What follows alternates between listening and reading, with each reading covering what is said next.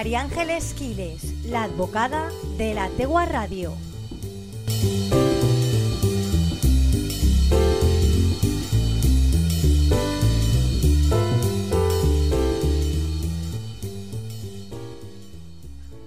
Hola Elia, buenas tardes a ti y a los que nos escucháis. Es viernes, viernes previo a la terminación del estado de alarma y creo que era conveniente bueno, hacer un pequeño análisis y resumen de, todo lo que ha sucedido o lo que va a suceder.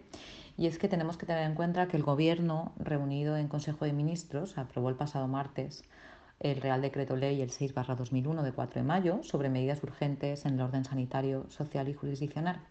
Estas medidas deberán de aplicarse tras la finalización el 9 de mayo del estado de alarma declarado en su día bueno, también por Real Decreto el 25 de octubre, hace ya bastantes meses. Durante este periodo la, las autoridades delegadas, es decir, los presidentes de las comunidades y ciudades autónomas, han adoptado numerosas medidas cuya vigencia decaerá con la expiración del próximo estado de alarma, por ejemplo, en la comunidad valenciana la posibilidad de, del cierre perimetral ya sabemos que va a desaparecer y la mayoría de estas medidas pueden seguir articulándose, sin embargo, en caso de necesidad al amparo de una ley orgánica eh, que se promulgó en 1986, que son las medidas especiales en materia de salud y pública. ¿vale? Y bueno, pues además en, en 2011 se ratificó ¿vale? y también por otra ley, pero bueno, estos, estos son datos que a lo mejor a la gente pues, no le acaban de interesar mucho. ¿no?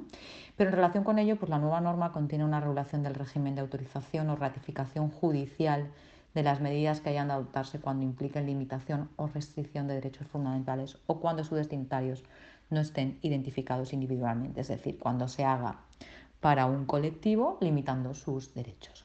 Las medidas restrictivas de derechos fundamentales para combatir la pandemia, pues eh, recuerda este Real Decreto, ley, que mm, si bien las autoridades sanitarias disponen de, de, competencias para adoptar medidas excepcionales para contener la pandemia, cuando se trate de medidas restrictivas de derechos fundamentales, estas han de ser objeto de autorización o ratificación judicial.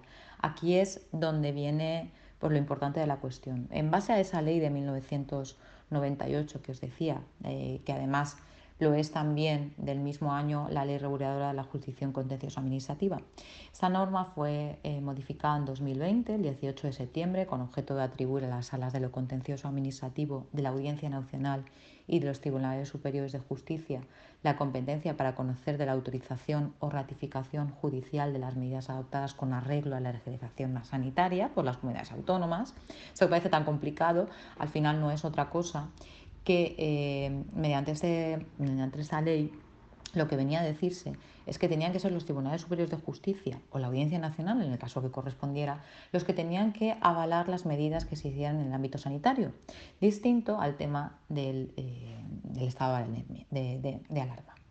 En el ejercicio de esa competencia, las salas de los distintos tribunales superiores de justicia han seguido en ocasiones una diferente interpretación del marco sanitario estatal aplicable, con posturas, como hemos visto, divergentes sobre el mismo caso y que bueno, pues podría dar lugar a confusión. Eh, ¿Qué ha venido a decir el Tribunal Supremo? Bueno, porque el recurso de casación ante el Tribunal Supremo es el último recurso que permite a la Sala de lo Concesioso Administrativo del Tribunal Supremo entrar a conocer sobre los autos adoptados por las salas de los Tribunales Superiores de Justicia y de la Audiencia Nacional en esta materia. Y debe ser ellos, o sea, el Tribunal Supremo, los magistrados del Tribunal Supremo, quienes fijen además la doctrina eh, legal sobre el alcance de la legislación sanitaria en relación con estas limitaciones de derechos fundamentales, además en un plazo muy breve.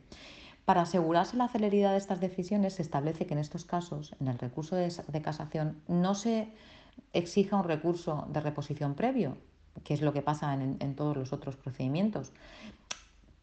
Porque claro, si empezamos con estos eh, formulismos o con esta eh, burocracia judicial, pues vamos a alargar en el tiempo una cosa que debe de, de, establecerse en el máximo tiempo posible. Así, el Real Decreto Ley modifica el artículo 86 de la Ley de 1998, que os decía, reguladora de la jurisdicción voluntaria, para permitir el recurso de casación contra los autos dictados sin necesidad de anunciar o de previo recurso de reposición. Es decir, eh, directamente se puede interponer. Y conforme a este nuevo artículo, cuando las circunstancias del caso lo hagan necesario y cuando la demora en la resolución pueda causar perjuicios irrevisibles, las partes podrán solicitar en el escrito de interposición que se habiliten los días inhábiles. Esto también es muy importante para la tramitación y resolución del recurso de casación. Transcurrido el plazo de alegaciones, la sección competente para la tramitación y decisión fijará doctrina y, resolverá sobre las cuestiones planteadas en el plazo de cinco días. Esto es lo más importante, que con esta modificación lo que hacemos es acortar los tiempos y sobre todo eh, conseguir que las resoluciones sean efectivas, porque de nada sirve que se, se ponga una medida, se recurra y estemos X tiempo, como pasa la mayoría de las veces en los órdenes jurisdiccionales, en los que no sucede absolutamente nada.